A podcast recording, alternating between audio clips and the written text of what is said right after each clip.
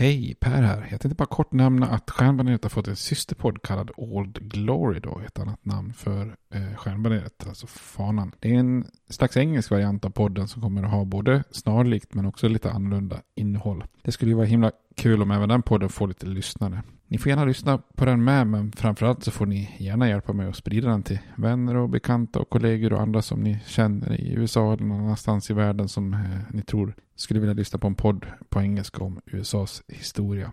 Tack, det var bara det jag ville säga. Nu kommer avsnittet. Hej då! Burrows furniture is built for the way you live. From ensuring easy assembly and disassembly to honoring highly requested new colors for their award-winning seating, they always have their customers in mind. Their modular seating is made out of durable materials to last and grow with you. And with Burrow, you always get fast, free shipping. Get up to 60% off during Burrow's Memorial Day sale at burrow.com slash ACAST. That's burrow.com slash ACAST. burrow.com slash ACAST. Why don't more infant formula companies use organic, grass fed whole milk instead of skim?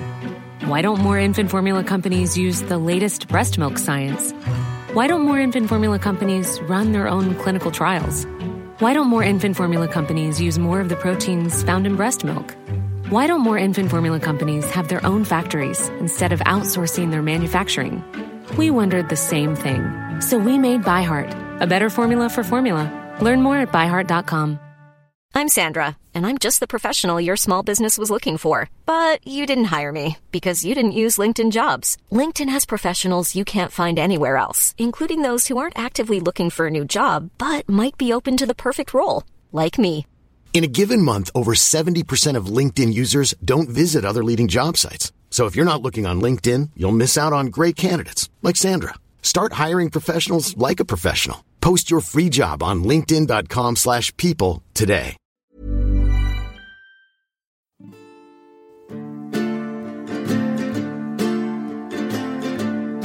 We hold these truths to be self-evident, that all men are created equal, that they are endowed by their Creator with certain unalienable rights, that among these are life, liberty, and the pursuit of happiness.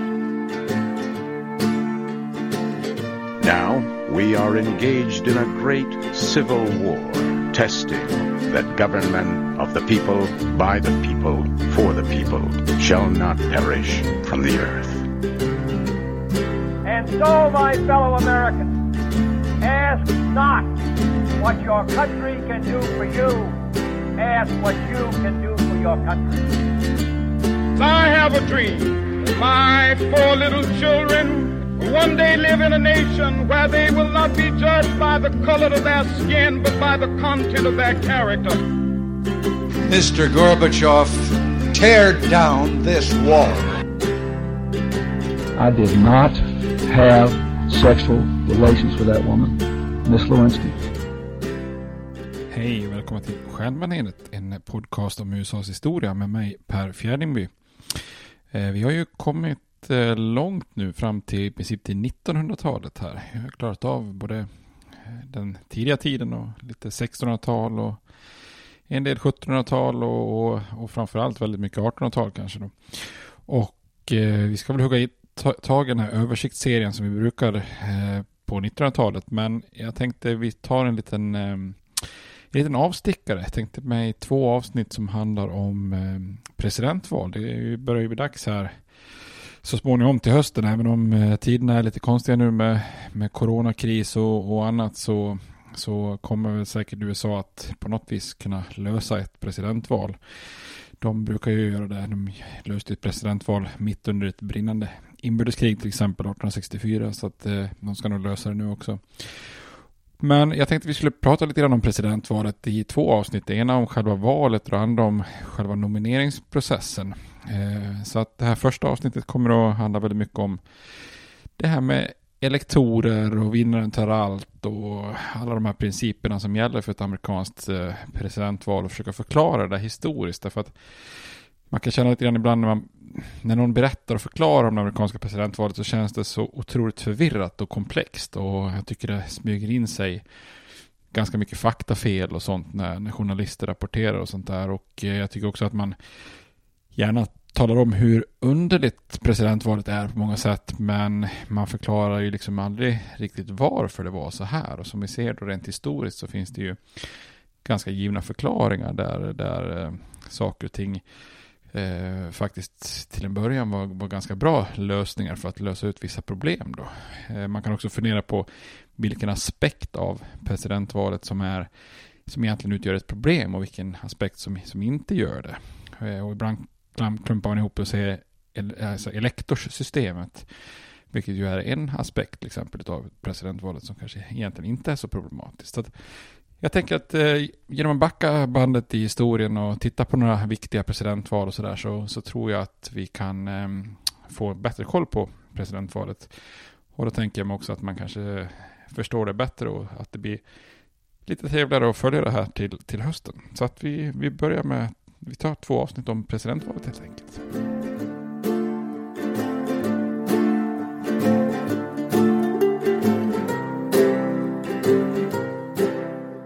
Tittar vi på eh, konstitutionskonventet, alltså när man samlas i Philadelphia sommaren 1787 för att skriva den amerikanska konstitutionen som ju reglerar presidentvalet, så där är ju den stora knäckfrågan hur kongressen ska utformas, alltså den lagstiftande makten som ansågs mycket viktigare och den som skulle stå för liksom den politiska utformningen av eh, republiken. Och det är en väldigt hård kamp då mellan å ena sidan stora stater och och små stater angående lika eller proportionerlig representation då, men också en kamp mellan slavstater och fria stater kring hur, hur mycket skydd slaveriet ska ha i konstitutionen. Eh, delegaternas utformande av den verkställande makten, alltså det som skulle bli presidentposten, den är ju präglad av mycket mer förvirring och istället för kompromisser så fick man försöka använda sin kreativitet på bästa sätt för att ens försöka hitta en, en verkställande makt som, som fungerade. Och ett av problemen här är ju att man hade väldigt många exempel på utformanden som man inte ville ha. Alltså dåliga exempel. Den brittiska kungen eller koloniernas tidigare guvernörer. Däremot hade man inte så många bra exempel att utgå ifrån. Eh, USAs första konstitution då, konfederationsartiklarna hade ju ingen verkställande makt överhuvudtaget utan den utövades ju i ett antal olika utskott och kommittéer. Och delstaterna själva hade ju då egna konstitutioner, men där hade man en rad olika varianter som, som alla hade sina, sina brister och sina eh, bra sidor. Då.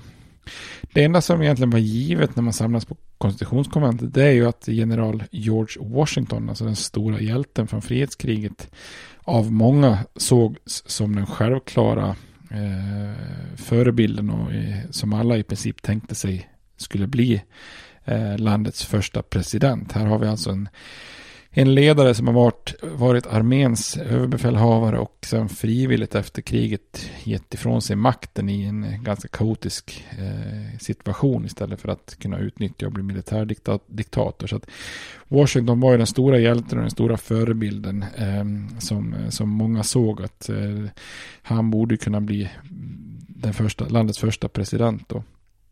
Men så oklar egentligen bilden av den tänkta verkställande makten att man behöver breda ut flera frågor som idag känns ganska givna då. Eh, en av de första frågorna man benar i lite grann är faktiskt om det ska vara en eller flera då, alltså en president eller om det ska vara ett slags verkställande råd. Då. Eh, här kommer man fram till att det kan vara svårt om man ska ha någon form av råd som kan bli internt osams. Så att man bestämmer sig för att den verkställande makten ska vara en enda person. Då har man väljer ju titeln president eh, som har varit liksom det fanns ju en lite svagare typ av ordförande i den gamla Eh, kongressen och, den kallades ju då för just ordförande president och då, då väljer man den, den termen. Och vidare så diskuterar man också lite grann hur lång ska då presidentens mandatperiod vara då. Eh, här diskuterar man i debatterna fyra år, sex år, tolv år, femton, tjugo eller till och med livstid uppe på för, som förslag då. Alltså att man, så länge man har, har ett gott uppförande och sköter sitt jobb så ska man kunna sitta kvar. Eh, dessutom pratar man ju om hur, hur, många gånger ska man kunna väljas om eller ska man ens kunna väljas om då? Eh, och det slutar då med att man till slut bestämmer sig för fyra års mandatperiod för presidenten och möjlighet att kunna väljas om då. Eh, hur många gånger som helst från första början. Det är egentligen först 51 som man begränsade till två mandatperioder i, i det 22 tillägget. Eh, och naturligtvis finns, finns det mycket diskussioner kring vilka befogenheter en president ska ha eh, och relationen till andra instanser. Man vill ju ha en stark president. Eh, nog stark för att inte kunna hunsas av kongressen men heller inte så stark så att det ska bli en tyrannisk eh, despot. Då. Men en sak som då är en svår nöt att knäcka det är ju då hur ska presidenten då väljas? Eh, och det är egentligen två stycken alternativ som dyker upp då eh, från första början och inget av de eh, alternativen är egentligen optimalt då. Det första alternativet läggs ju fram av eh, James Madison från Virginia då, landets eh, fjärde eh, president som eh, är den som eh, lägger fram en ursprunglig plan på konventet i inledningen som kallas för Virginia-planen.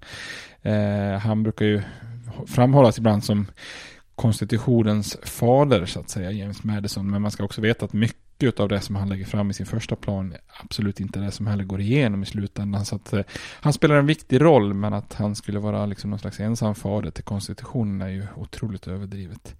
Eh, men eh, Madisons plan, ursprungliga plan föreslår ju att den verkställande makten ska väljas av den lagstiftande. Och det betyder alltså klartext att kongressen i så fall skulle välja president.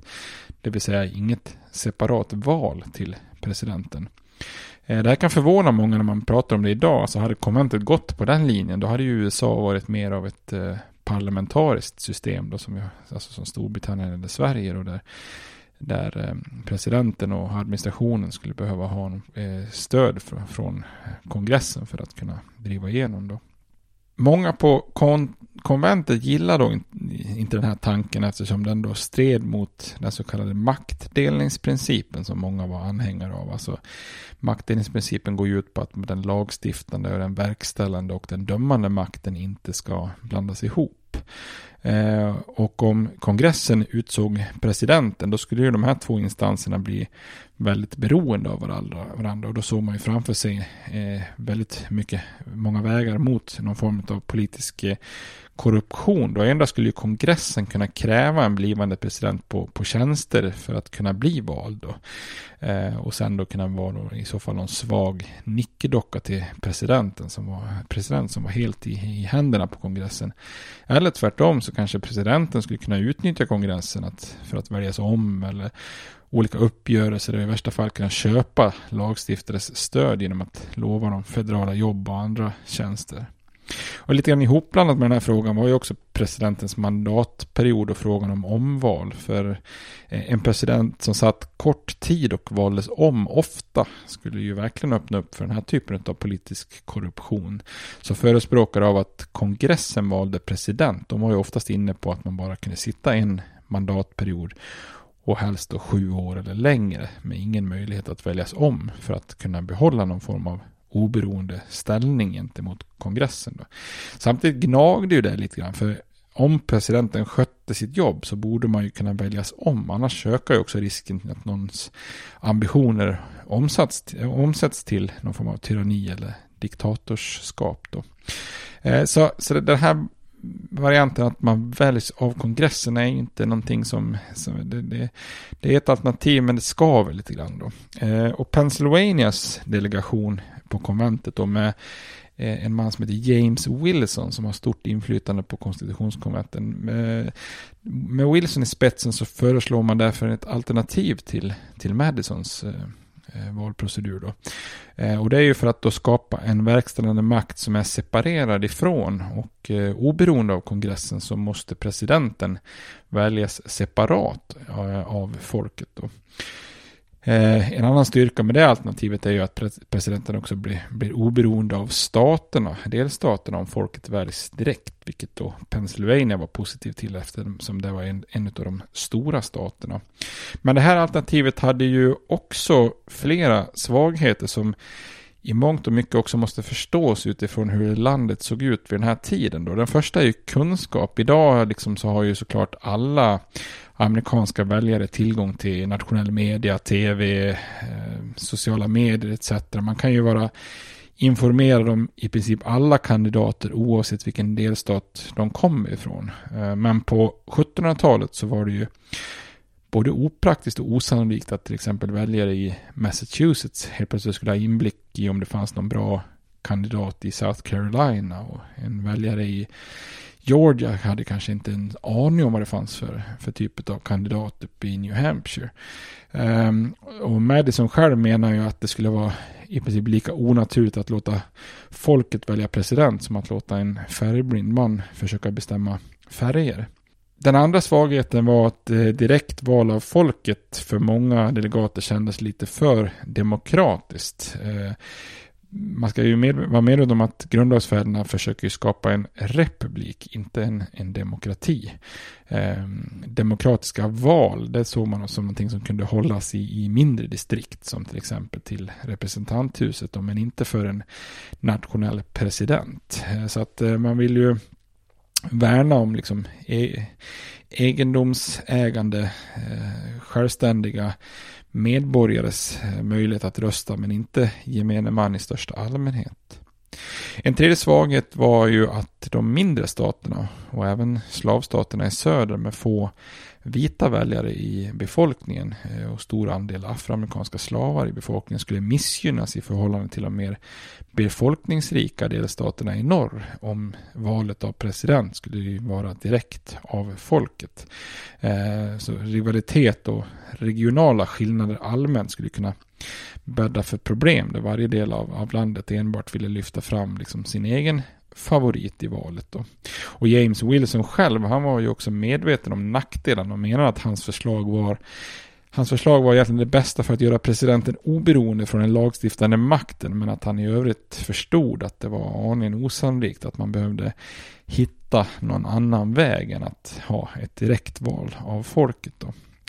Så eh, här fastnar man kan man säga. Det, det är liksom ett dödläge mellan de här alternativet och i flera omröstningar under första månaden så står, så står man fortfarande fast vid Madisons plan då att kongressen ska välja president. Men samtidigt så är ju många av delegaterna inte nöjda med detta. Man anser att en bra president borde kunna väljas om. Eh, Eh, samtidigt som man förstår att ett omval öppnar upp eh, dörren för korruption i, i förhållande till kongressen. Eh, så under en period på konventet när man inser att man måste hitta en lösning så behöver man diskutera olika lösningar. Alternativ som diskuteras är en president som väljs av delstaternas guvernörer eller av kanske särskilda elektorer som guvernör, guvernörerna har valt som i sin tur väljer dem. Eh, man pratar om att väljare i varje, de, varje delstat nominerade sina bästa medborgare och att sen då den lagstiftande församlingen i kongressen skulle välja från den här poolen av kandidater.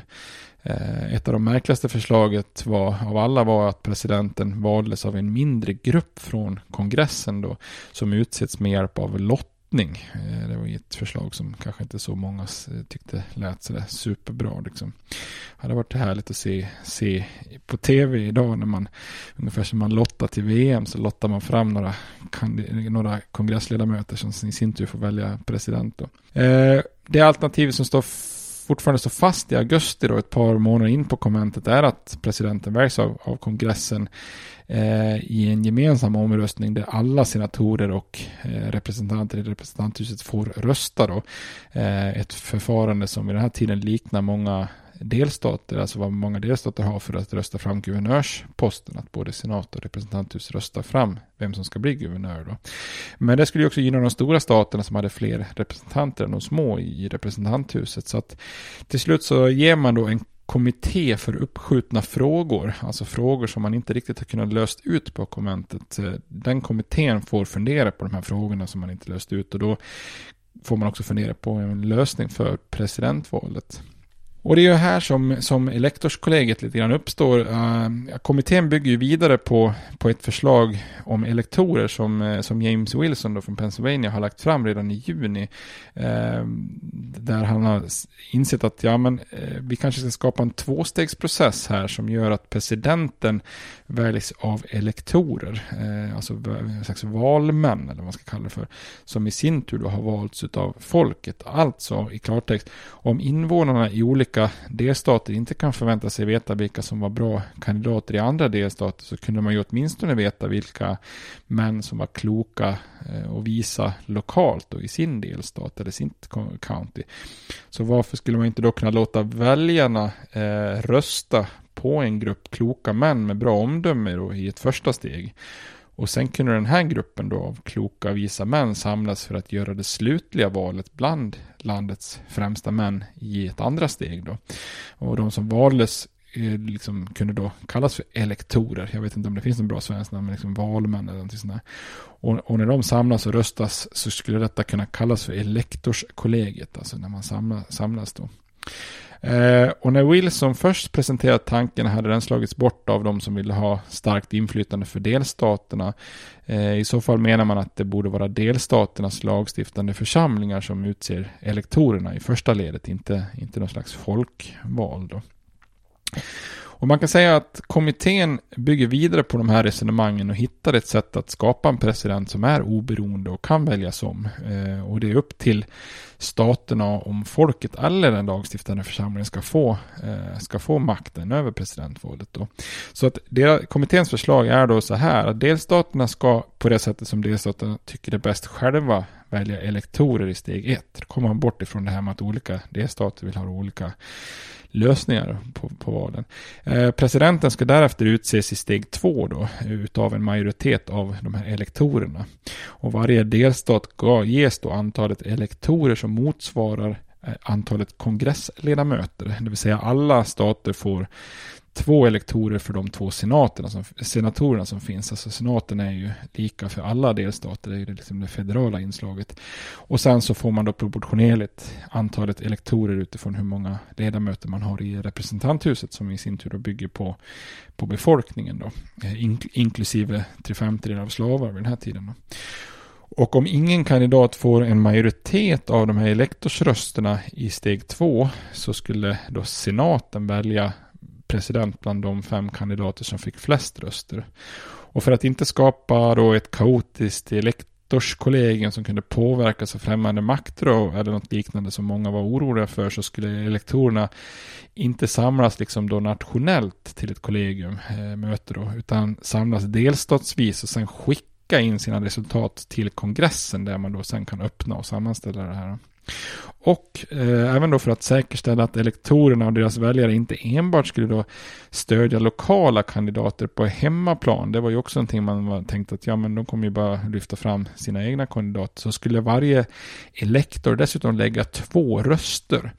Eh, och Eh, de här rösterna var tvungna att gå till två personer från två olika delstater. Alltså kanske då i normalfallet att man lägger den första rösten på en hemmafavorit och sen så får man rösta på någon annan favorit i någon annan delstat med sin andra röst. Då. Och, eh, och det här öppnar ju också upp för att man då när man har två röster kan få, kan få då, eh, Eh, lämpligt att kunna rösta på två då, så man också kan skapa den här vicepresidentrollen då. Att kandidaten som fick näst flest röster skulle då enligt förslaget från kommittén bli vicepresident.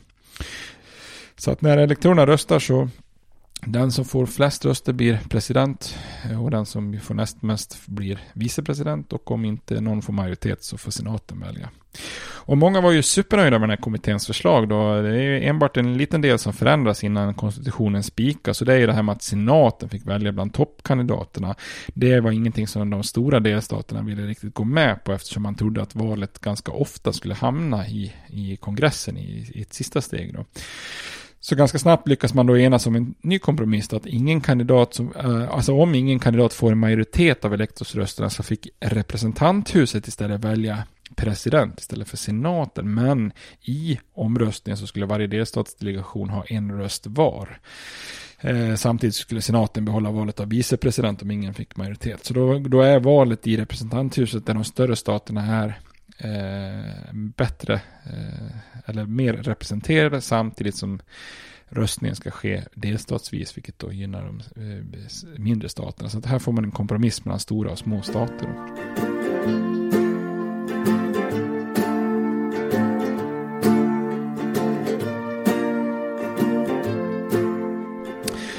Och därmed är ju elektorskollegiet skapas, eh, skapat. Och i det här förslaget fanns ju då en massa smarta lösningar för att lösa upp problem och knutar som fanns vid den här tiden. Och därför har ju också elektorskollegiet, eller blev det ju kallat ganska snabbt för a brilliant solution, alltså att det var en bra lösning. Alltså dels löser man ju ut så man skapar en oberoende president separerad från den lagstiftande makten då enligt maktdelningsprincipen. Så det gör ju många nöjda i sig då. Man löste ju också problematiken om att folk bara kunde känna till lokala kandidater genom att man då i delstaterna valde elektorer som sedan då valde president i nästa steg. Eh, och att man då var tvungen att rösta på minst en kandidat utanför hemstaten. Eh, så att då har man ju också löst liksom kommunikationsproblemet där. Och om en president sköter sitt jobb bra så fanns det heller inga hinder för att personen kunde väljas om. Det var också en fördel som många var nöjda med. Och istället för att försöka enas om en gemensam procedur att välja elektorer så lät man då delegera det här till delstaterna. och Låta dem själva bestämma hur valet skulle gå till. Så det var också en framgångsfaktor. Att, ja, men då kan, om, om, om, om staterna skulle enas om hur valet skulle gå till hade det antagligen inte kommit till en lösning och då hade det, frågan fastnat igen på konventet. Då.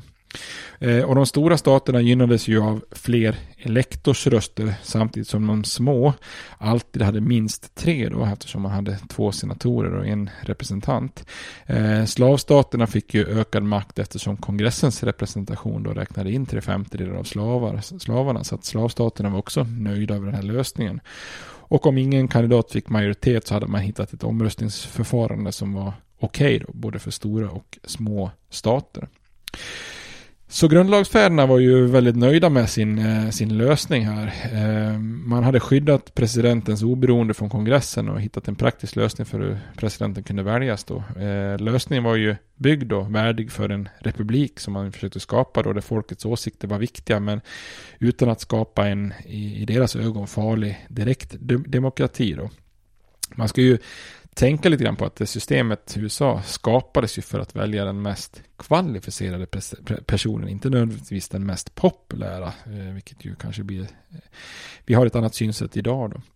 Eh, att lösningen var just briljant visar sig inte minst i debatterna kring konstitutionens eventuella ratificering eller inte. Det var ju en extremt hård kamp i många delstater om man överhuvudtaget skulle ratificera den här konstitutionen. Det stod och vägde liksom. Det hade lika gärna kunnat blivit att, man, att den här eller konstitutionen aldrig hade accepteras då. Eh, och det är ju många aspekter som kritiseras av konstitutionen, alltså kongressens utformning, presidentens befogenheter, slaveriet, avsaknaden av en, en, en så kallad Bill of Rights, rättighetskatalog. Men förespråkarna för konstitutionen, federalisterna, kunde ju väldigt nöjt konstatera att just processen för att, alltså för presidentval, Eh, Eh, den ansågs så generellt bra av de flesta i USA vid den här tiden att, att presidentvalsprocessen fick i princip ingen kritik alls i de här annars ganska hårda debatterna kring konstitutionens eh, vara eller inte.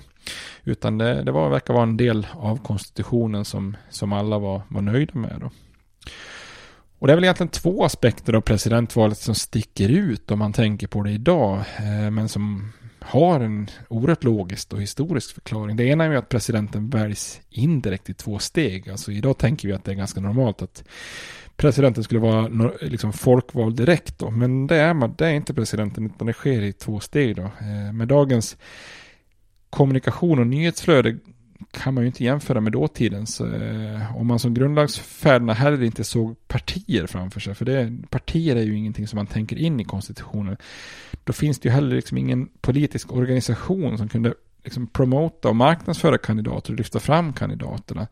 Eh, så det här med att liksom lita på elektorer som har utsätts lokalt, då, alltså kloka män som, som, som i sin tur kunde välja och bli lite bättre informerade kring vilka kandidater som fanns, det var ju historiskt väldigt rimligt. Då. Eh, och att valet av president är indirekt i två steg eh, och inte direkt demokratiskt av folket. Det är inte heller konstigt sett till övriga federala institutioner i konstitutionen. För om man tittar då 18, eller 1787 så den enda direkt folkvalda delen av den federala makten det var egentligen kongressens representanthus. Det hörs på namnet alltså representanterna ska representera folket. Så representanthuset är egentligen det enda demokratiska inslaget så att säga i, i den federala konstitutionen. Eh, senatorerna var ju indirekt valda av delstaternas lagstiftande församling. Som väljare kunde du inte liksom direkt påverka valet av senatorer. Eh, du kunde enbart eh, påverka indirekt genom att rösta till den lagstiftande församlingen i, i din egen delstat. Och precis som elektorerna då skulle samlas för att välja president så samlades lagstiftarna i delstaten för att välja delstatens senatorer. Då. Eh, så på så sätt var ju valen till senaten och eh, presidenten eh, mer lik varandra än valet till representanthuset. För det är ju först 1930 i konstitutionens 17 tillägg som senatorerna eh, görs direkt folkvalda så som vi är van med idag. Då.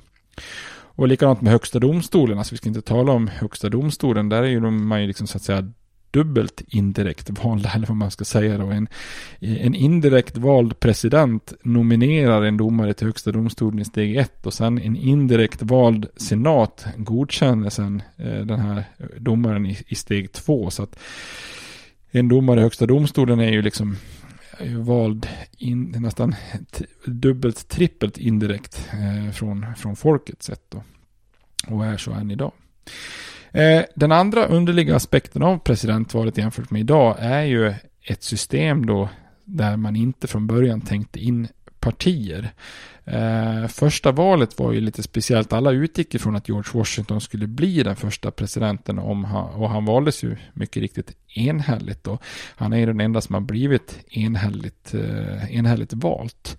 Eh, som en liten anekdot kan man ju säga att eh, James Monroe var väldigt nära 1820 då. Det var ju en period när det också inte fanns partier i princip kan man säga för det första partisystemet hade havererat. Och, men då är det faktiskt en William Plummer från New Hampshire, då, en elektor som, som ger sin röst till John Quincy Adams istället för James Monroe. Eh, hade han inte gjort det hade James Monroe också blivit enhälligt eh, vald. Då. Eh, enligt legenden så eh, handlade hans avsteg från att han ville bevara och hylla Washington som den enda enhälligt valda presidenten. Men Eh, det verkar som om man tittar på det här som att hans motiv helt enkelt var att han ansåg att eh, John Quincy Adams var mer lämpad. Så att det låg nog inget sånt eh, hyllnings, hyllningstanke i baktanken på den elektorn. Då. Men efter att George Washington klev av presidentposten efter två perioder så förväntades ju grundlagsfärden att presidentvalet skulle vara en mycket mer öppen affär då med många olika kandidater som skulle liksom få då spridda skurar av röster. Eh, att en kandidat skulle få en majoritet av elektorsrösterna eh, var ju mindre sannolikhet eller sannolikt, utan valet av president trodde man ju att det skulle ske i de allra flesta fall i kongressen då bland de här topp fem kandidaterna. Eh, Virginias George Mason till exempel som är väldigt eh, framtonande på, på konstitutionskonventet. Han uppskattar ju att på konventet att ja, men 19 val av 20 kommer ju antagligen resultera i att valet eh, görs i kongressen i det slutliga steget. Men sen när partier uppstår redan då under Washingtons tid i Vita huset så blir det ju eh, tvärtom. Alltså i och med att partierna nominerar sina kandidater Eh, och även om det ibland finns fler än två partier under vissa perioder som, som går starka så brukar det nästan ändå vara så att det alltid är en kandidat som får majoritet i elektorskollegiet eftersom det inte blir då så många kandidater. Partierna nominerar ju en kandidat som president och en som vicepresident. Det är ju inte så att partierna nominerar fem, sex, sju kandidater. Så det innebär ju att hade det varit ett hade det varit ett elektorsval som står mellan här, 20 kandidater då är det inte så särskilt troligt att någon får majoritet. Men när det hela tiden står oftast då kanske mellan två kandidater som, som lyfts fram av två partier, ja då är det ganska stor sannolikhet att någon av dem får majoritet. Eh, och eh, att valet då inte behöver hamna i, i, i kongressen.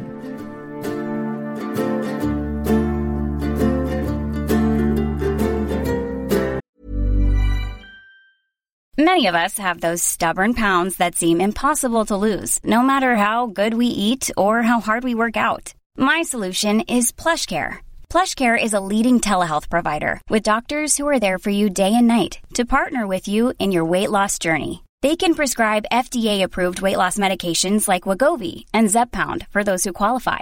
Plus, they accept most insurance plans. To get started, visit plushcare.com slash weight loss. That's plushcare.com slash weight loss. Millions of people have lost weight with personalized plans from Noom. Like Evan, who can't stand salads and still lost 50 pounds. Salads generally for most people are the easy button, right? For me, that wasn't an option. I never really was a salad guy. That's just not who I am. But Noom worked for me. Get your personalized plan today at Noom.com.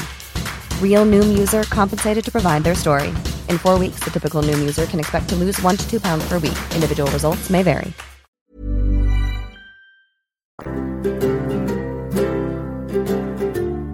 Det finns ju några förändringar som har gjorts av presidentvalet i konstitutionen om man tittar på vad som har hänt efteråt. Då. Eh, och, det första är ju en tidig och väldigt nödvändig justering och det har ju att göra med den här uppkomsten av de första partierna på 1790-talet då, mellan det som kallas för federalister och, och republikaner eller demokratrepublikaner.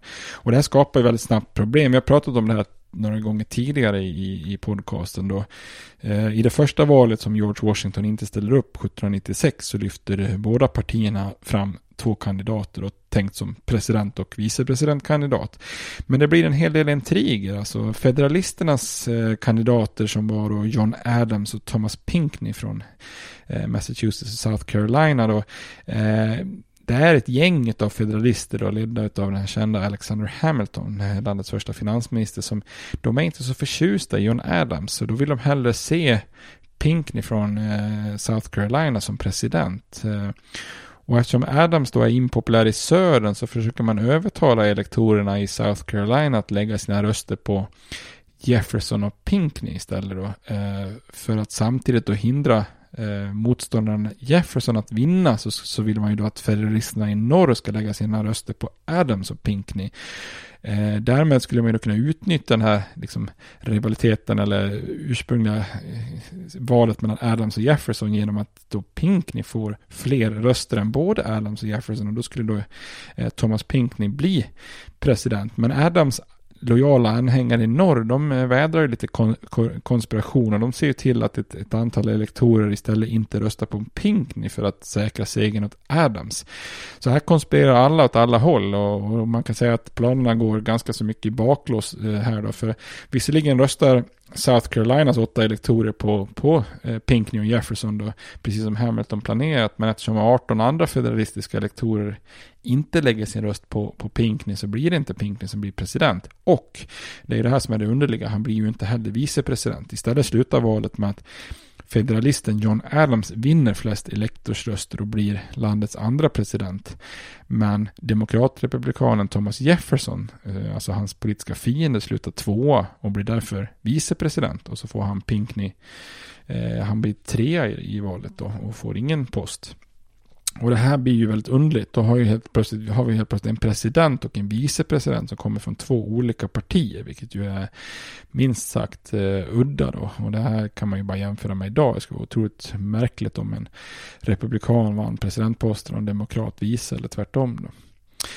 I valet fyra år senare, 1800, så skapar det här med partier ännu större kaos. Eh, nominerar eh, Thomas Jefferson igen då och eh, han har som vicekandidat Aaron Burr från New York. Och i det här, fall, i det här valet då så vinner eh, Demokratrepublikanerna. men problemet är att Eh, ingen lektor har liksom hållit tillbaka någon röst för någon av dem, eh, utan alla har lagt båda sina röster för både Jefferson och Burr. Då. Eh, och det här innebär ju att de då får lika många elektorsröster, eh, så man kan inte skilja på dem vem som ska bli president och vem som ska bli vicepresident. Och eftersom konstitutionen säger att ingen kandidat får att, att om ingen kandidat får majoritet så går valet över till kongressen, eh, så blir det också en konstig situation eftersom Eh, kongressen kontrollerades av de politiska motståndarna, federalisterna, som nu helt plötsligt har i sina händer att kunna neka Jefferson presidentposten. Då. Så det uppstår en lite av en konstitutionell kris här. Eh, men efter många omröstningar så till slut så blir det ändå Jefferson som blir president.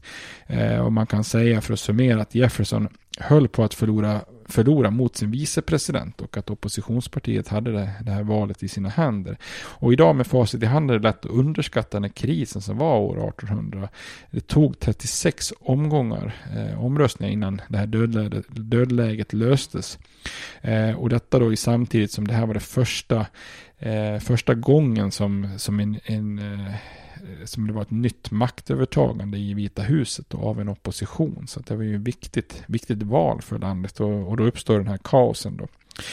Och de här två valen då, 1796 och 1800, visar ju tydligt att grundlagsfäderna skapat ett valsystem som inte håller i, i, i en värld av partier. Eh, och det här leder till att man 1804 accepterar att partierna har kommit för att stanna och man gör ett tillägg till konstitutionen och det tolfte. Och det tolfte tillägget går egentligen framförallt ut på att man slår fast att elektorernas två röster ska öronmärkas. Så att man lägger helt enkelt en röst öronmärkt för presidentposten och en röst öronmärkt för vicepresidentposten. Då. Eh, Vicepresidenten är då inte längre den som får näst mest elektorsröster totalt längre, utan man har en separat omröstning för det. Eh, dessutom ändrar man så att om, om ingen kandidat får majoritet så ska representanthuset välja mellan topp tre kandidaterna istället för topp fem, vilket får lite konsekvenser i, i valet 1824. Då. Det andra tillfället som när man förändrar presidentvalet kan man säga det är 1951 genom det 22 tillägget så slår man fast att ingen president kan bli vald mer än två gånger och att en vicepresident som tar över Eh, en presidentmandatsperiod som är längre än två år bara kan, själv kan bli vald ytterligare en mandatperiod. Då. Och det här kommer ju efter att Franklin Roosevelt för första gången liksom brutit den här praxisen som George Washington en gång startat med att enbart sitta två perioder. Eh, Roosevelt blir ju vald fyra gånger då så att säga. Och det tredje tillägget, eh, eller tillfället man förändrar presidentvalet är 1861 när invånarna i Washington DC i enlighet med 23 tillägget också får delta i presidentvalet och tilldelas tre elektorsröster. Då. Och det finns ju ett antal unika och problematiska presidentval i historien. Då just valet 1824 är väldigt unikt och det, det första partisystemet har kollapsat. Och, och innan det andra systemet uppstår så finns det en period som fått namnet The Era of Good Feeling. Så eh, därmed blir det ju lite återigen liksom en tillbakagång till hur grundlagsfäderna eh, en gång i tiden tänkte då. Eh, och i det här valet så finns det fyra kandidater som alla får elektorsröster och alla är liksom regionalt starka i sin hemregion då. Eh, den som får flest eh, elektorsröster är ju Andrew Jackson. Eh, men han lyckas ju inte få en majoritet och därmed hamnar ju valet i representanthuset som ska välja mellan topp tre kandidaterna. Det som är udda i 1824 är ju att Henry Clay eh, från Kentucky, som har varit den fjärde kandidaten och fått, äh, fått minst elektorsröster, han är ju inte längre valbar längre genom att eftersom kongressen ska välja på topp tre. Men samtidigt är då Clay talman i representanthuset och har ju därmed väldigt stort, stor makt och kan styra och ställa.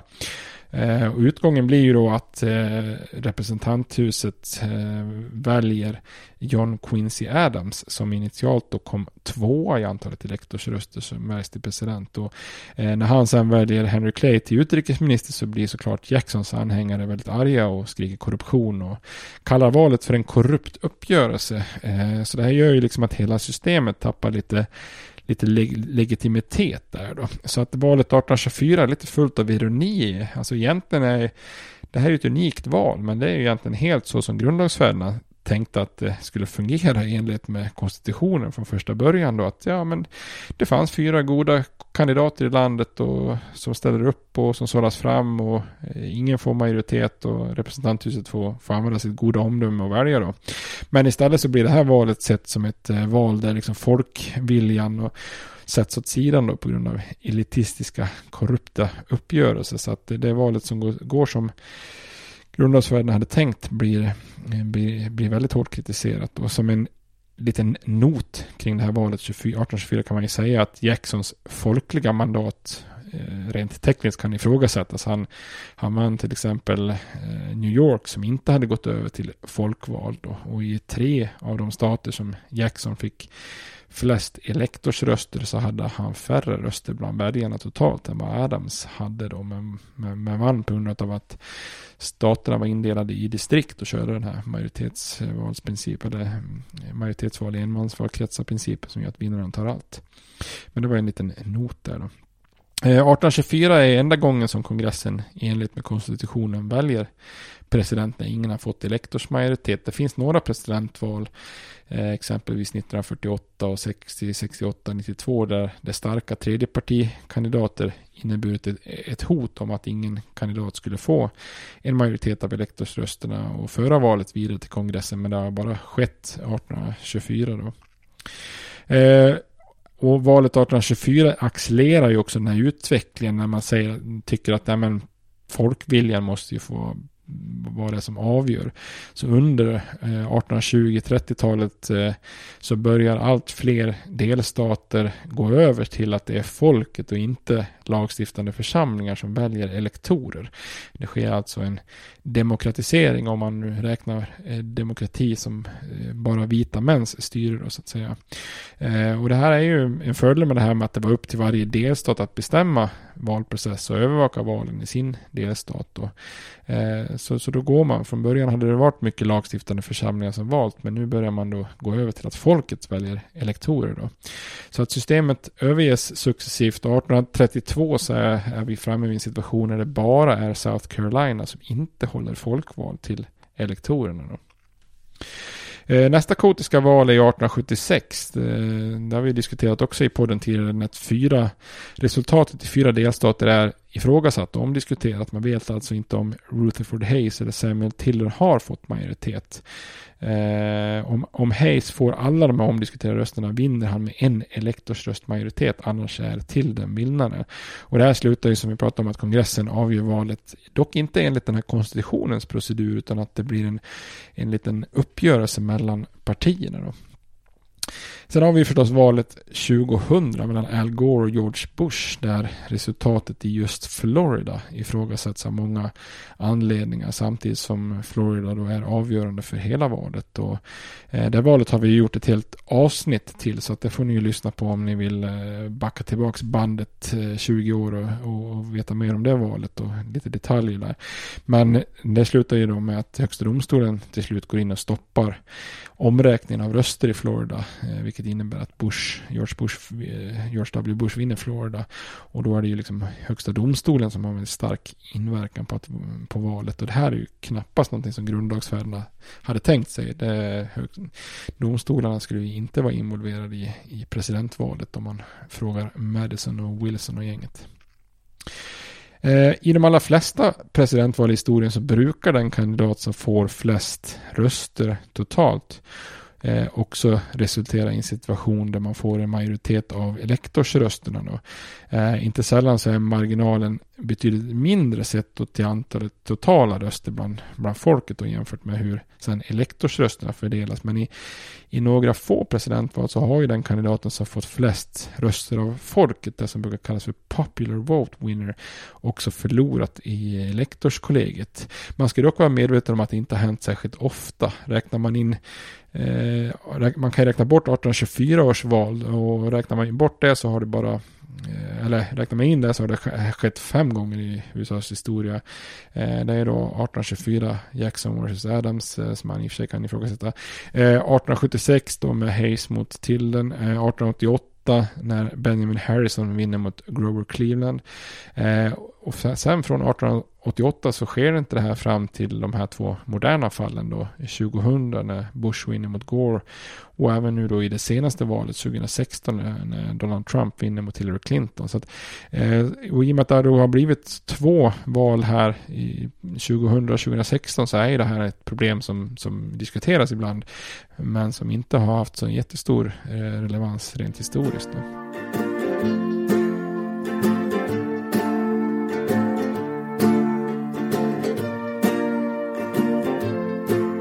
Tittar vi lite på presidentvalet idag så då och då kommer det ju röster om att förändra presidentvalet. Eh, inte minst kaoset 2000 väckte ju, väckte ju liksom mycket tankar på reformförslag och så vidare.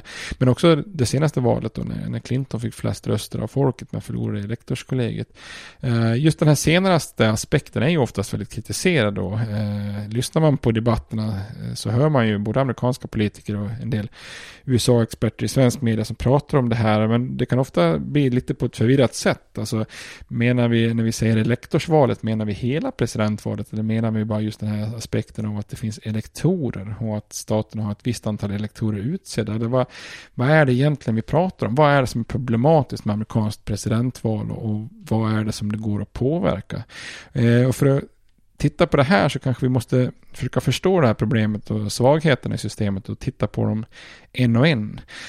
Eh, det första liksom, aspekten av det är det här indirekta valet som sker just med elektorsystemet. Då. Eh, I renodlad form så innebär det ju ett indirekt val. Alltså presidenten är inte direkt folkvald utan att väljarna röstar på utsedda elektorer eh, och de här samlas sen delstatsvis och röstar eh, i steg två då och så skickas resultatet till Washington. Ända sedan partisystemet uppstod i slutet av 1700-talet så har ju den här elektorsomröstningen blivit mer en formell sak. Ehm, så länge alla elektorer röstar på den kandidat som man också förpliktigat och gått ut med att man stödjer eh, och, och, och, röstar på. Så då är ju inte elektorssystemet något problem. Eh, det som skulle kunna vara, utgöra ett problem vore ju om någon elektor eh, som representerar en kandidat Eh, efter valet sen lägger sin röst på någon annan eller att eventuellt avstår från att rösta i elektorskollegiet. Och det här kallas då för faithless elector, alltså opolitlig elektor. Och då kan man ju fråga sig hur stort är det här problemet? Och det är, det är ett problem som i princip är obefintligt, alltså mycket mer teoretiskt än praktiskt. Då. Eh, totalt är det bara ett tiotal fall av, av liksom opolitliga elektorer som har förekommit i historien. Och eh, där liksom en elektor inte har röstat för den kandidat man har representerat. Eh, och det har då oftast handlat om att man lagt rösten på en tredje partikandidat eller någon som egentligen inte ens kampanjat. Och väldigt extremt sällan som man har röstat på på sin eh, liksom då, mot, mot kandidatens motståndare. Då. Så i princip inget presidentval har ju någonsin påverkats liksom, i utgången av opolitliga elektorer. Eh, I 1836 års val eh, så valde som ett exempel och samtliga elektorer i Virginia att inte lägga sin vicepresidentröst på den segrande kandidaten Richard Johnson då som, som det kom fram att han kanske hade haft en relation med en slav då vilket var känsligt där. Eh, vilket då gjorde att han inte fick en majoritet i valet till vicepresident och att valet avgjordes i senaten. Men där valdes Johnson ändå, så, eller Johnson ändå så att det, det vart inte någon annan utgång direkt så. Eh, men när det gäller just presidentvalet så har inte sådana här eh, opolitliga elektorer haft någon inverkan. Eh, och man kan ju också fundera på det eftersom elektorerna väljs eller utses eller nomineras av partierna själva eller direkt av kandidaterna så har de ju oftast en bra ställning inom partiet och är liksom partilojala personer. Eh, skulle man inte full, skulle man välja att inte fullfölja sin liksom plikt då tappar man ju all sitt rykte och sin ställning. Så att det är ju inte jättesannolikhet sannolikt att, det, att man gör så. Och aggregerar man det så att tillräckligt många elektorer skulle välja att gå emot sitt parti för att påverka utgången i ett val så blir det ju kanske ännu mindre sannolikt om man tittar på det där. Då. Eh, något som skulle kunna vara problematiskt men som också är rätt osannolikt är ju ifall en presidentkandidat lyckas liksom trilla av pinnen mellan valet av elektorer och det tillfället då e- elektorerna ska lägga sin röst på kandidater. Eh, det finns ingen, inget som säger något om det här i konstitutionen och det har faktiskt hänt en gång i, i presidentvalet 1872 då mellan Ulysses Grant, republikanen och eh, demokraten Horace Greeley. Så då visade det sig att Greeley dör eh, innan elektorerna skulle rösta. Då. Eh, nu lindras ju, lindras ju problemet det här året av att det var Grant som segrade i valet. Men det uppstod ändå en liten, liten så lustig förvirring då. Vissa elektorer valde att rösta på, på Greeley ändå. Liksom. Och då röstade man in under lag att det var ogiltiga röster. Då. Eh, andra valde liksom lite spridda alternativa namn då. Eh, men eh, hade det varit segraren Grant som hade dött så hade det ju liksom blivit desto knepigare får man ju säga. Tittar vi vidare på en annan aspekt av presidentvalen, det här med att en omröstning kan ske i representanthuset ifall någon kandidat inte får majoritet så är det ju kanske desto sämre ur ett demokratiskt perspektiv att liksom rättfärdiga Eh, den proceduren då. Det här sätts ju liksom folkviljan ur spel. Varje delstatsdelegation har en röst oavsett delstatens befolkning. Ehm, det skulle ju också kunna bli som 1824 att den kandidaten som har haft eh, flest röster men inte majoritet röstas bort av en opposition som kontrollerar flest delstatsdelegationer. Ehm, så det är klart att det skulle kunna vara problematiskt men då får man ju välja liksom så här på hur, hur hur allvarligt är problemet och hur sannolikt är det? Och även det här problemet menar ju försvararna av presidentvalet är ganska hypotetiskt. Det har ju faktiskt bara hänt en gång. Det var ju 1824, nästan 200 år sedan. Efter det har det ju faktiskt aldrig hänt att presidentvalet eh, kommer till, eh, till representanthuset, varken före eller efter. Då.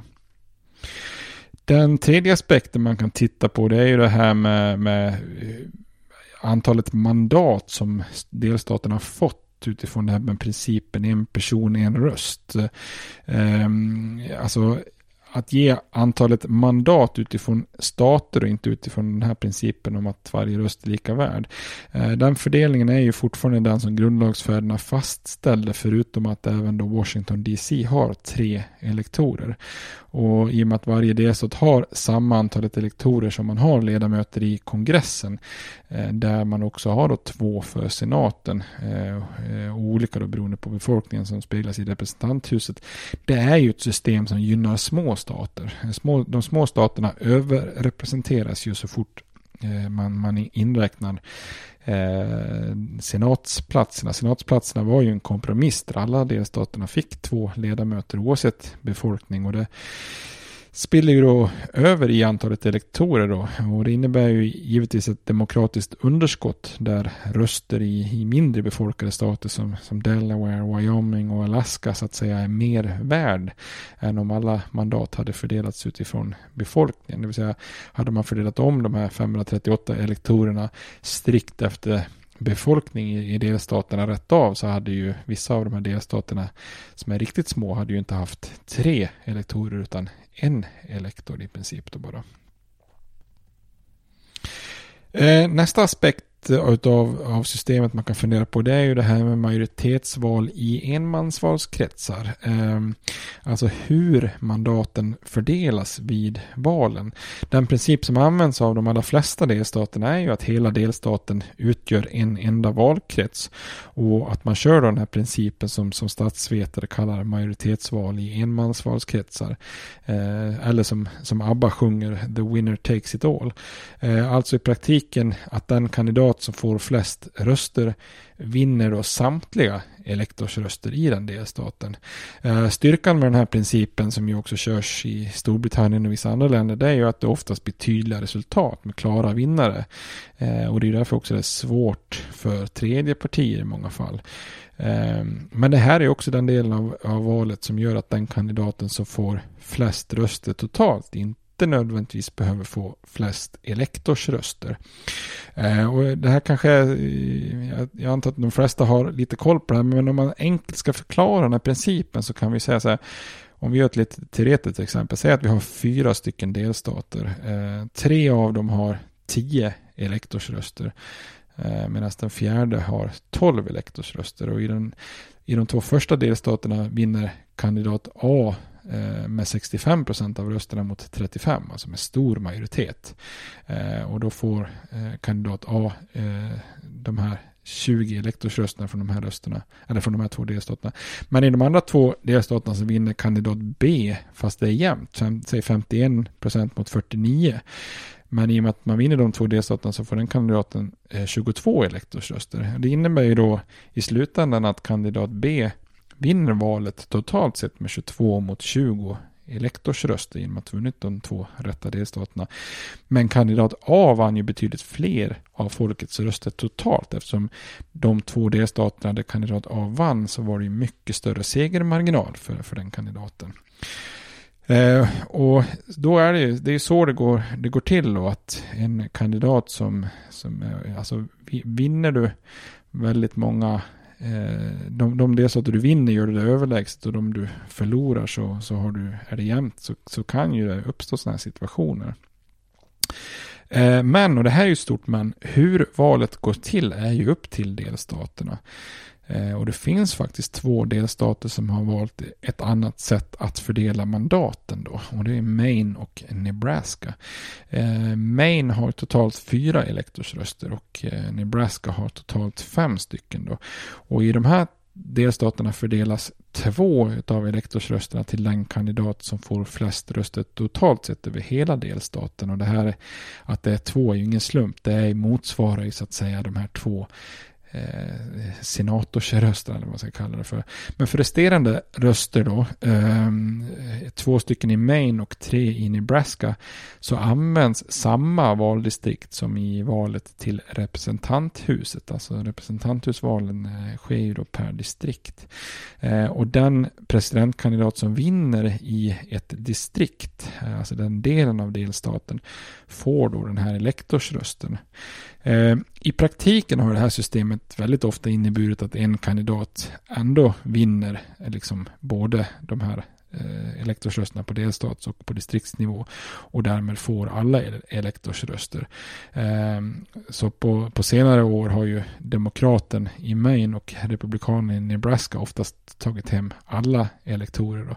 Men ibland så sker ju undantag. Eh, 2008 vann till exempel eh, republikanen McCain som, som väntat i Nebraska men Obama lyckades vinna ett av de här distrikten så att fördelningen av elektorer blev då 4-1 till McCain. Det var alltså en elektorsröst som Obama normalt sett inte hade fått i andra delstater som han då vann i, eh, i, i, Nebraska. Och samma sak 2016 i Maine där Clinton fick flest röster totalt i delstaten vilket gav henne då, de två elektorerna. Men eh, hon vann bara ett distrikt, distrikt som ytterligare en elektor då. Medan Trump då vann i det andra distriktet vilket då gav tre tre, röst, tre elektorsröster mot ett mellan Clinton och Trump. Då. Och man kan säga att Trump vann en elektorsröst som han inte hade fått i någon annan delstat som Clinton segrade i. Eh, och de som försvarar den här principen påpekar gärna att den skapar stabilitet i två tvåpartisystemet, alltså tar man bort den här vinnaren tar allt-principen så skulle det ju lätt kunna uppstå väldigt många fler enfrågekandidater, oberoende och tredjepartskandidater. Eh, men man skulle också kunna tänka sig att fler delstater går över till den här Maine och eh, Nebraska-varianten. Då. Så när vi pratar på så här, vad, vad, vad, finns det för möjligheter att förändra och varför skulle man förändra presidentsystemen då? Så är det ju oftast inte så lätt då. Att förändra det här indirekta valet via elektorer, alltså fördelningen av elektorerna eh, mellan delstaterna eh, och att representanthuset avgör när ingen får majoritet. De kräver ju alla någon form av konstitutionell förändring, vilket ju då är en oerhört mödosam process. Eh, och två av de här aspekterna, alltså det här med att man väljs indirekt och representanthusets roll, det är ganska låg motivation därför att det ställer oftast, eller sällan till det i presidentvalet. Då. Motivet att förändra fördelningen av elektorer eller mandat mellan delstaterna kanske är mer relevant motiv för det här är ju faktiskt ett demokratiskt underskott. Att, det, att en röst i Delaware inte är lika, eh, är, är inte är lika mycket värd som en röst i Texas, eller tvärtom säger jag ju fel. En röst i Texas är inte värd lika mycket som en röst i Delaware. Eh, problemet är ju att motivet att ändra det är ju lågt i de här delstaterna som gynnas, alltså de här småstaterna och det blir ju ett moment 22 i sig. Att för att ändra konstitutionen så ska ju då väldigt många mindre stater, för det krävs ju tre fjärdedels majoritet för att ratificera ett tillägg till konstitutionen. Då ska ju många mindre stater mer eller mindre frivilligt minska sin makt genom gentemot de större. Så här har man nästan byggt, byggt, byggt, målat in sitt hörn så att säga. Så där kan man ju, låt mig betvivla ifall det händer. Eh, problemet med den här att den här populära vinnaren kanske inte är vinnaren i lektorskollegiet är ju eh, dock något som är uppe för diskussion väldigt ofta. Här finns ju olika vägar. Dels skulle ju delstaterna själva kunna eh, kunna förändra sina val och införa sådana här system som till exempel Maine och Nebraska har. Eh, där vissa elektorsröster även fördelas utifrån distrikt. Om alla delstaterna hade den varianten då skulle ju risken risken skulle minskas men inte elimineras att folkets favorit inte får elektorsmajoritet. Eh, men ska man verkligen göra om det till ett nationellt folkligt val då måste man ju verkligen ändra eh, konstitutionen.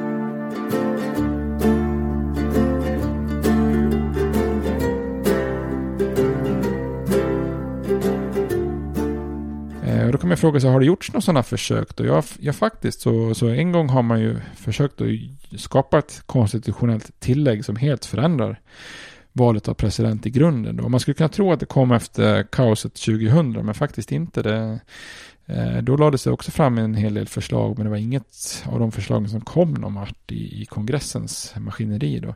Men efter valet 1968, när republikanen Richard Nixon besegrade demokraten Hubert Humphreys, eh, så försökte man göra en ändring. Och det är ju lite anmärkningsvärt i sig då, för Nixon eh, vann ju så att säga både flest röster och flest elektorsröster.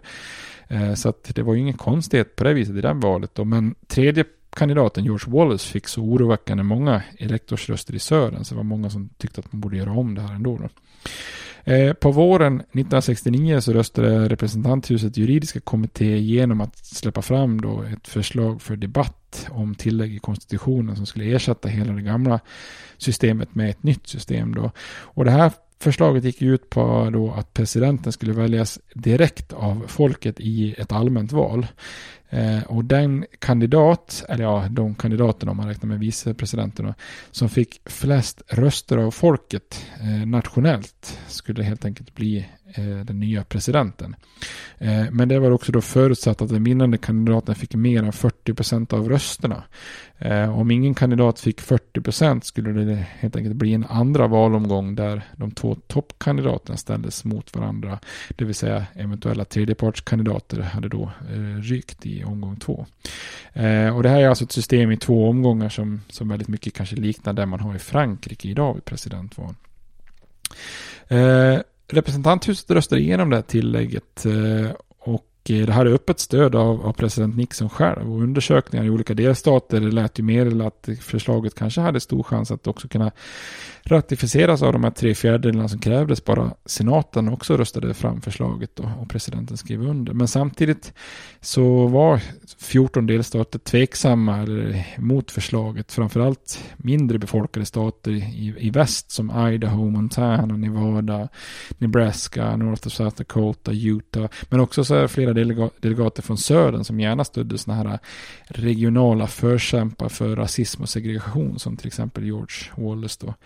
Eh, men länge såg det ut att gå vägen då. Senatens juridiska kommitté röstade också för att släppa fram förslaget till debatt och rekommendera eh, bifall. Då.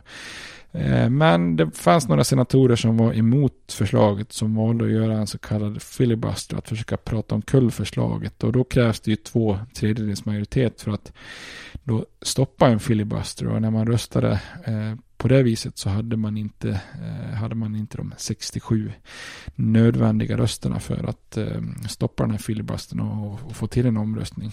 Eh, så att därmed gick inte förslaget igenom senaten och, och då om det inte går igenom både senat och representanthus, så att säga kongressens båda kammare och skrivs under av presidenten så blir det inget lagförslag och i det här fallet då hade det inte varit ett, blev, hade, då blev det ju inte ett tillägg som skickades ut till delstaterna för ratificering.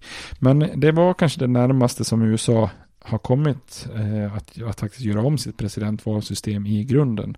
Eh, kanske det närmaste man någonsin kommer också. Framtiden får väl ut, eh, utvisa det här. Kan man fundera lite grann på vad skulle kunna få systemet att ändras eller ifrågasättas ännu mer då? Man kan ju leka med tanken om att eh, systemet skulle komma ur spel av någon starkt tredje parti. Eh, och det kanske det menar missar på lite osannolikt. Men det beror lite grann på också. Det finns ju sådana här tredje partier som har lite allmänt stöd här och där. Och det är ju liksom inte något större hot mot systemet. Alltså, som det här gröna Green Party, eh, Ross Perot som ställer upp flera gånger som oberoende och liknande. De kan ju vinna eh, någon procent av rösterna och till och med kanske ställa till det för någon av de etablerade kandidaterna. Alltså Ralph Nader hade, man brukar säga att om inte Ralph Nader hade ställt upp 2000 så hade kanske Gore ändå vunnit Florida och sen tagit hem valet då eftersom Nader och de gröna liksom tog många röster från Gore då. Men har man så här jämnt spritt stöd så är det ju väldigt svårt att i slutändan vinna elektorsröster för tredje partier. Eh, alltså Ross Perot han vann ju faktiskt imponerande 19 procent av rösterna 92 och även 8 procent i valet 96. Då. Men eftersom inte han kunde vinna någon specifik delstat så omvandlas ju inte det här till några elektorsröster eh, i valet. Det viktigaste är ju att vinna specifika delstater så att du får den delstatens elektorsröster enligt den här vinnaren tar allt-principen. Och det som skulle kunna hota systemet istället det är starka regionala kandidater. Alltså, eh, två exempel på det har ju varit sådana här eh, segregationsförespråkare som har ställt upp i, i Södern och vunnit många röster lokalt på, sin, på sitt budskap om, om vit makt och segregering. Eh, 18, eller säga, 1948 vann ju Storm Thurmond 39 elektorsröster genom att vinna fyra sydstater och 1968 då som sagt vann George Wallace 46 elektorsröster genom att vinna fem sydstater. Eh, och de här två valen var ju dessutom relativt jämna så att det var ju eh, ganska eh, så nära att Truman och Nixon kunde vinna en majoritet av elektorsrösterna och bli president de här åren. Då. Några tusen röster hit och dit i några nyckelstater hade kanske kunnat kasta valet in i representanthuset. Så om man tänker sig att det av någon anledning skulle uppstå ett väldigt regionalt starkt tredje parti, liksom, säger något liknande som en konservativ Tea Party-rörelse som blir väldigt stark i en viss del av landet eller, och som inte liksom blir en del av det republikanska partiet eller om man skulle tänka sig att libertarianerna blir, blir väldigt starka och får mycket stöd från tidigare republikaner som, som är väldigt konservativa i ekonomiska frågor men inte speciellt konservativa i moraliska frågor då. Eh, eller om, om man, det skulle uppstå någon splittring i Demokraterna eller sånt där. Eh, eller någon typ av parti som, som, som blir starka på kusterna eh, utöver Demokraterna. Sånt Så man kan ju tänka sig att om det skulle uppstå ett sånt tredje parti som är starkt regionalt någonstans i USA. I så fall Eh, så kan man ju tänka sig att ja, men tänk om ett sådant parti går starkt fram i ett mellanårsval eh, i flera delstater och distrikt och, eh, och, och vinner där så att man då eh, utgör en majoritet av de här delstaternas delegationer till representanthuset. Och, Eh, och sen i ett efterföljande presidentval två år senare så vinner det här partiet elektorsröster i den regionen där man är starka då. Eh, samtidigt som det blir ett väldigt jämnt val mellan den demokratiska och republikanska kandidaten som liksom delar resterande elektorsröster rätt jämnt. Eh, det skulle ju kunna innebära att ingen kandidat då får en majoritet i elektorskollegiet. Eh, och då, då skulle ju valet hamna i representanthuset och genom att varje delstatsdelegation har en röst. Eh, och eftersom då ett tredje parti i det läget kanske kontrollerar några delstatsdelegationer, då skulle helt plötsligt det partiet kunna bli vågmästare. Och då skulle ju allt kunna hända. Då skulle vi kunna ha en riktig soppa där det skulle behöva förhandlas hit och dit mellan, mellan det här tredje partiet och de etablerade partierna. Eh, det är beroende på hur, hur villiga de etablerade partierna är att förstöra för varandra, hur mycket man kan då hämta stöd i det här tredje partiet. Så det är inte helt orealistiskt, men det förutsätter i princip, eh, ska, ska själva presidentvalet gå eh, inte gå som det brukar så ska ju det ju, förutsätter det ju en, en kandidat som är så stark regionalt att man vinner elektorsröster, för annars kommer ju någon av de etablerade få majoritet. Men är det sen jämnt mellan de andra två partikandidaterna eh, i ett val där någon har snott elektorsröster så kan det ju vara så att ingen faktiskt får de här nödvändiga elektorsrösterna för att få majoritet. Då. Men det är ju hypotetiskt. Vi får se vad framtiden har att utvisa helt enkelt. Men nu hoppas jag att ni har fått en rejäl genomgång om det här med presidentvalssystemet. Så alltså, nästa gång ni hör någon påstå att elektor, elektorssystemet är så knäppt, då kan ni ju faktiskt eh, säga att det kanske inte det som gör att den som får flest röster inte alltid vinner. Det är inte egent, egentlig mening har just med elektorer att göra, utan det är snarare principen om majoritetsval i enmansvalkretsar. Eh, sen om du med presidentvalet menar, he, säger elektorsystemet för hela presidentvalet så, så må det vara, men just själva det här systemet med indirekta elektorer är inte alltid någonting som ställer till det. Eh, och det finns ju också en riktigt logisk förklaring till varför systemet skapades och ser ut på det här viset i konstitutionen. Eh, ibland kan man tro att de var inte riktigt kloka grundlagsfäderna men det var ju nästan tvärtom. De lyckades ju faktiskt få till ett system som, som faktiskt funkade en gång i tiden då. Eh, visserligen en liten plump att man inte tänkte in partier men man lyckades ju lösa ut mycket på, på konstitutionskonventet. Eh, och det är inte bara som vissa tror att ja, men varför, varför gör de inte om det här systemet. Det kan ju inte ha ett sånt här valsystem. Ja, men det blir ett moment 22. Liksom. Att eh, de mindre staterna är ju överrepresenterade och kanske aldrig kommer att vilja göra om konstitutionen samtidigt som det krävs att ett antal mindre stater också ställer upp på ett tillägg till konstitutionen. Annars kan man inte göra om det här. Då. Eh, alternativet är ju att delstaterna själva börjar fördela elektor, elektorsmandaten på, på olika sätt då, i stil med Maine och eh, Nebraska. Det finns det ju ingen som hindrar det. Så jag hoppas att ni känner nu att efter att ha lyssnat på det här att ni kommer ha eh, mer kunskap och historisk bakgrund nu kommande år här när presidentvalet verkligen hamnar i fokus. Då tackar jag för mig. Ha det bra. Hej! States like these and their terrorist allies constitute an axis of evil. And if the hippies and the yippies and the disruptors of the systems that Washington and Lincoln as presidents brought forth in this country will shut up and work within our free system of government, I will lower my voice. If the impeachment provision in the Constitution of the United States will not reach the offenses charged here, then perhaps that 18th century Constitution should be abandoned to a 20th century paper shredder. Therefore, I shall resign the presidency effective at noon tomorrow.